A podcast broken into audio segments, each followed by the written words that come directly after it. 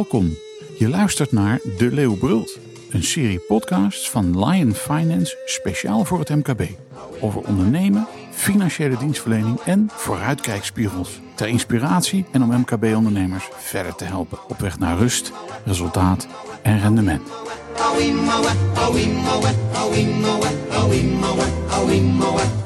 Fijn dat je luistert. We hebben al drie eerdere De Leeuw Brult edities aan gewijd. De ontwikkelingen rondom box 3. En dat is niet gek, want de ontwikkelingen binnen dit fiscale dossier hebben gevolgen voor vele tienduizenden Nederlanders en MKB-ondernemers in het bijzonder. Begonnen op kerstavond 2021 toen de Hoge Raad de huidige box 3-regeling afschoot. Maar het ziet er naar uit dat dit thema de komende jaren nog niet van verlossing wordt voorzien. Met de laatste Prinsjesdag als een nieuwe tussenstand waar we eens nader naar gaan kijken. Met fiscalist Hans Schreuder van Lion Finance. Hans, weer van harte welkom in De Leeuwbrult. Dank je. Laten we de luisteraars eerst eens even naar de, dezelfde pagina trekken. Wat zijn de belangrijkste dingen rondom dit dossier die bij Prinsjesdag zijn gemeld? Nou, eigenlijk niet zo gek veel, behalve twee wetsvoorstellen die uiteindelijk neerkomen op eh, een codificatie van eh, de besluiten die we inmiddels kennen. Het enige eh, nieuwe is wel een verhoging van het tarief. Tot en met 2025, 2025 wordt het ieder jaar met 1% verhoogd. Dus bij de start van 2026 hebben we te maken met een tarief van 34% Uiteindelijk tot 2026 blijft de regeling zoals die was afgesproken uiteindelijk blijft bestaan, hè? Ja, binnen de wat wij dan noemen de, de spaarvariant, die er eigenlijk op neerkomt dat de vermogensbestanddelen worden verdeeld over spaargelden en overige vermogensbestanddelen. En voor zover je schulden hebt, uh, wordt er uh, forfaitair 3% van die schulden in mindering gebracht op het rendement. Ja, maar goed, nog steeds gaat men uit van een fictief rendement. Ja, dat is uh, de grote kritiek die eigenlijk te melden is op, op deze regelingen. Um, dat men weliswaar ervoor gezorgd heeft dat er geen fictieve verdeling is van het vermogen waarin je belegt. maar er wordt nog steeds gerekend met een forfaitair rendement. Voor spaargelden is dat uh, minimaal, moet ik erbij zeggen. Voor overige vermogensbestanddelen schommelt men uh, nog steeds rond die 5%. En daarvan is de vraag of dat nou in de huidige omstandigheden reëel is. Komen we zo nog even op terug. Ja. Um, als we kijken naar de huidige regeling, uh, waarbij, uh, want nogmaals, in, in uh, december, net voor kerst 2021, kwam de Hoge Raad met een uitspraak. Die uitspraak was, um, was in een zaak die door een aantal bezwaargevers, er zijn tienduizenden mensen die bezwaar hebben gemaakt tegen hun belasting, als ik het even huiselijk mag zeggen, ja. hun vermogensbelasting. Daarvan heeft de, toen de Hoge Raad gezegd, ja, daar hebben jullie gelijk in. Alleen toen kwam de vraag, uh, dat moet gecorrigeerd worden. Uh, maar wie, wie, gaan de, wie gaan we dan corrigeren? Even huiselijk gezegd opnieuw. Uh, doe je dat alleen voor de mensen die bezwaar hebben gemaakt formeel? Of doe je dat voor iedereen die daar technisch gezien op in aanmerking zou komen? Wat ik lees is dat de staatssecretaris in, in het kabinet heeft aangegeven... ja, weet je, laten we rechtsgelijkheid hanteren. Laten we dat voor iedereen doen. Alleen het besluit van het kabinet is geweest... dat doen we alleen voor de mensen die ook formeel bezwaar hebben gemaakt. Ja, dat klopt. Uh, in weerwil overigens van een uh, Kamermotie die uh, aangenomen is, die er ligt, waarbij gezegd is van ja, kleine, kleine spaarders, wat je daar dan ook onder zou moeten verstaan, die moeten we ook een vorm van compensatie geven. Nou, uiteindelijk is daar niet voor gekozen. men heeft de harde lijn gevolgd, die ook mogelijk gemaakt is door een latere uitspraak van de Hoge Raad. Dat als je niet in bezwaar bent gegaan, dat je dan eigenlijk gewoon te laat bent. En niet via het systeem van wat wij noemen ambtshalve vermindering alsnog uh, gebruik kan maken van de uitspraak van de Hoge Raad. Ja, de vraag is nu: gaan er allerlei mensen die niet formeel bezwaar hebben gemaakt, maar die wel zeggen: ja, wacht dan even, het slaat ook op mij, gaan die nou alsnog naar de rechter? Jawel, maar er ligt technisch een probleem dat uh, je moet wel een rechtse ingang hebben. En de rechtse ingang uh, zou kunnen zijn het verzoek om ambtshalve vermindering. Daar heb je in beginsel vijf jaar de tijd voor. Echter, de Hoge Raad heeft ook uitgesproken dat uh, in die verzoek op ambtshalve vermindering en je, je, maakt, je wil gebruik maken van de uitspraak van de Hoge Raad nadat de aanslag definitief is uh, en die is definitief op het moment dat je niet in bezwaar gegaan bent uh, binnen de juiste termijn, dan kan je daar geen beroep op doen. Dat is een regeling die wil voorkomen dat uh, een ieder eindeloos terug zou kunnen gaan op basis van een arrest van de Hoge Raad van latere datum. Dus in die zin, uh, formeel uh, heeft Van Rij deze mogelijkheid om niet-bezwaarders niet te compenseren. De vraag is natuurlijk wel, is dat nou verstandig? Ook uh, met het oog op die Kamermotie die er ligt. En dat kost natuurlijk een hoop centjes. Als je... Het kost een hoop geld. Naar berekeningen, wat overigens ook altijd maar schattingen zijn, zou dat een kostenplaatje met zich meebrengen van rond 4 miljard. Nou, Zoals we allemaal weten, men komt uh, heel veel geld tekort.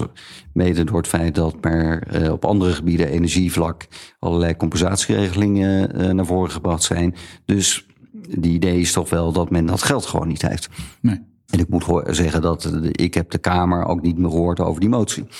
Nee, maar er zijn er ook nog allerlei verhalen over dat 2022 dat daar nog wel een hoop bezwaarschriften uitkomen? Of is dat wat jij net bedoelde? Nou, dat denk ik wel. Ook voor 2022 zal men uitgaan van een eh, rendement van rond de 5% voor die overige uh, vermogensbestanddelen. Dus buiten de spaargelden. Uh, dan kan je denken aan vastgoedbeleggingen, maar je kan ook denken aan beleggingen op de beurs. Je kan denken aan obligaties, nou, noem het allemaal maar op. En uh, zeker als we kijken naar de ontwikkeling van de aandelenbeurzen, dan denk ik dat heel veel mensen die daarin uh, in belegd hebben, eigenlijk niet bereid zijn om belasting te betalen over een fictief rendement van 5%. Terwijl ze misschien wel op min 20, min 30 uh, uitkomen dit jaar. Dus daar verwacht je dat daar mensen in verwacht uh, vrij veel bezwaarschriften. Dit is nog niet, nog, zeker nog geen gelopen reis. Nu begrijp ik dat Van Rij de idee heeft van ja, als we nou kijken naar de verdeling van uh, beleggers dat het levendeel uh, belegt in uh, het geld gewoon belegd heeft op een spaarrekening. Ik kan het niet inschatten, maar ik, ik stel me zo voor dat als de helft van de box 3 belastingbetalers in bezwaar gaan, dat er nog steeds een groot probleem ligt. Niet in de laatste plaats bij de rechterlijke macht, zal ik maar ja. zeggen. Want dat gaat een behoorlijke druk opleveren. Ja, ik verwacht dat er dan opnieuw een uh, massaal bezwaarprocedure uh, opgestart wordt om dat enigszins in banen te leiden. Maar uh, het is zeker geen zekerheid voor de Belastingdienst dat ze zo'n zaak zouden winnen. Als we eens een beetje naar voren kijken. Van oorsprong had men 2025 in het hoofd om een nieuwe regeling. Dat is ja. nu 2026 geworden, omdat men verwacht dat uh, de invoering daarvan, uh, op zijn zacht gezegd, nogal wat voeten in de aarde uh, heeft. Niet in de laatste plaats bij de Belastingdienst. Maar een onderdeel daarvan, of een belangrijk onderdeel, of zo niet de essentie daarvan, is dat men uiteindelijk wil, toe wil naar een systeem waarbij je werkelijke rendementen gaat belasten. Dus het, het rendement dat je ook daadwerkelijk gehaald hebt. Het, lijkt me niet makkelijk om vast te stellen. Hoewel dat in andere landen wel gebeurt. Ja, uiteraard is het niet, uh, niet makkelijk, maar het is niet, uh, niet onmogelijk. Uh, ik denk dat elke willekeurige belegger tegenwoordig dagelijks op zijn app kan kijken wat het rendement geweest is, over welke periode kan je allemaal invoeren. dat vereist overigens wel het nodige van financiële instellingen die die informatie ter beschikking moeten stellen. Nou, daar is veel om te doen. Ik denk dat het technisch ook niet zo eenvoudig is. Uh, beursgenoteerde aandelen lijkt me duidelijk. Dat is een kwestie van gegevens doorspelen. Uh, maar allerlei andere vermogensbestanddelen die niet de markt kennen, uh, is dat nog niet zo eenvoudig. Te meer niet, daar men probeert of daar men opteert voor een systeem van een vermogensaanwasbelasting. er zijn eigenlijk twee systemen om vermogenswinsten te belasten. Uitgaande van een realisatie. Dus dan is het simpelweg u heeft uh, vermogensbestanddeel A gekocht voor 10. U verkoopt het voor 50. Het verschil is 40, dus dat gaan we belasten. Maar men uh, opteert voor een vermogensaanwasbelasting. En dat zou in mijn voorbeeld betekenen dat aan het eind van het jaar dat vermogensbestanddeel A inderdaad 50 waard is. Maar ik heb het nog niet verkocht, dat ik desondanks toch over die 40 belast gaat worden. Nou, dat zal allerlei financieringsvraagstukken oproepen voor beleggers. En het lijkt erop dat de Kamer uh, daar toch niet echt een probleem van maakt. Men denkt dat dat wel uh, goed komt. Nou, ik denk het eigenlijk niet. Is het flauw om de vraag te stellen van, joh, zien we hier een enorm nieuw debakel uh, bij de belastingdiensten opdoen? Nou, dat, dat zou zomaar kunnen. Uh, maar ik kan me ook voorstellen dat men wel nadenkt over de financiering van die te betalen belasting. Uh, op basis van een aangegroeid vermogen. Terwijl men dat vermogen, die aanwas, nog niet gerealiseerd heeft.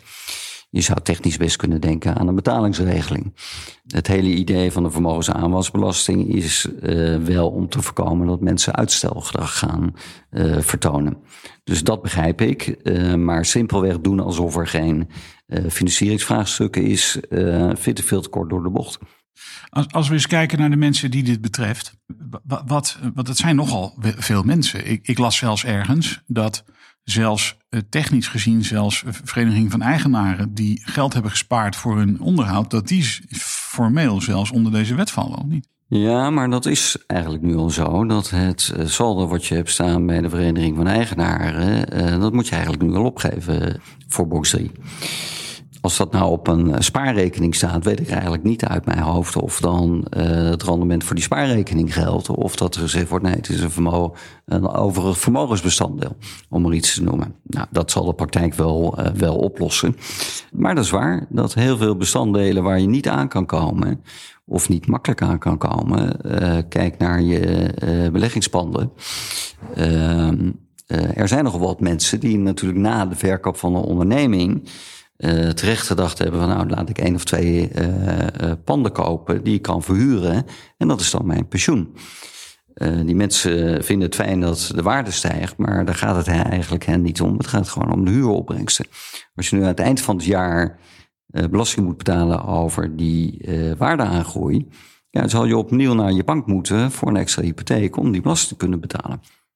in het Kamerdebat, wat ik gelezen heb, het verslag van het Kamerdebat, uh, wordt natuurlijk altijd gesproken over mensen met een liquide vermogen van 10 miljoen. En dan wordt er gezegd, ja, als je 10 miljoen hebt, dan heb je ook draagkracht. Nou, daar kan je wat van vinden. Uh, begrijp ik ook wel het argument. Maar men gaat natuurlijk voorbij aan mensen die gewoon een bedrag gespaard hebben, of op de spaarrekening hebben staan, of gewoon uh, beleggingspanden hebben gekocht voor hun pensioenvoorziening. Ja, precies. En, en dat zijn, laten we eerlijk zijn, uh, er doen altijd eh, verhalen de ronde over mensen die enorm veel hebben. Maar er zijn juist, dit betreft ook heel veel mensen die, nou, niet, niets, waar je niets kunt zeggen dat die heel veel hebben. Maar die hebben datgene wat je eh, normaal bij je pensioenverzekeraar hebt liggen, hebben zij uiteindelijk in die panden zitten. Ja, en die uh, ontstaan vaak omdat uh, toch veel al ondernemers uit midden- en klein, kleinbedrijven op een gegeven ogenblik hun uh, onderneming kunnen verkopen, daar een behoorlijk bedrag voor krijgen, maar dat bedrag ook nodig hebben en ook in verhouding staat tot mensen uh, die gewoon een prima pensioenvoorziening hebben opgebouwd. Wat moeten die mensen daarmee? Nou, uh, niet zoveel, want er is niet zoveel aan te doen als eenmaal die wetgever die zit echt op het spoor. We gaan naar vermogensaanwasbelasting. Eigenlijk is er, uh, behalve de, de fiscaal woordvoerder van de VVD die daar opmerkingen over maakt, hoor ik eigenlijk betrekkelijk weinig opmerkingen daarover.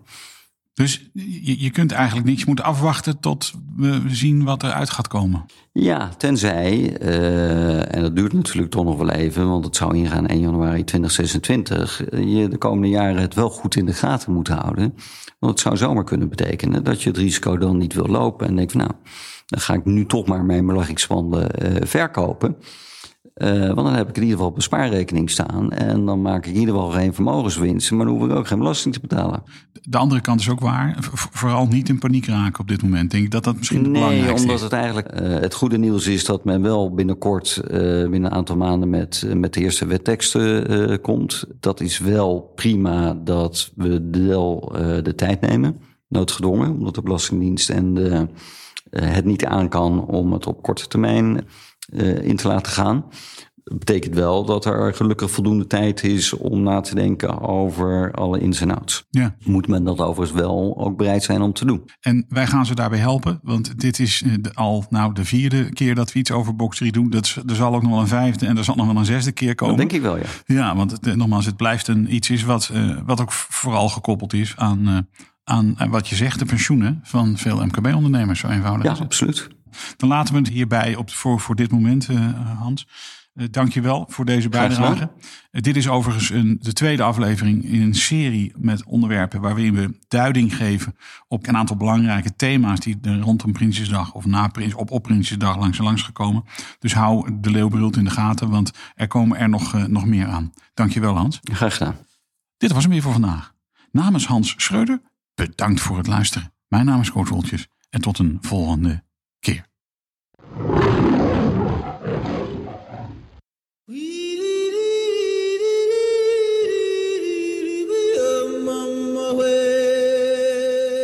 luisterde naar De Leeuwbult, een podcast van Lion Finance, speciaal voor het MKB. Wil je de hele serie beluisteren?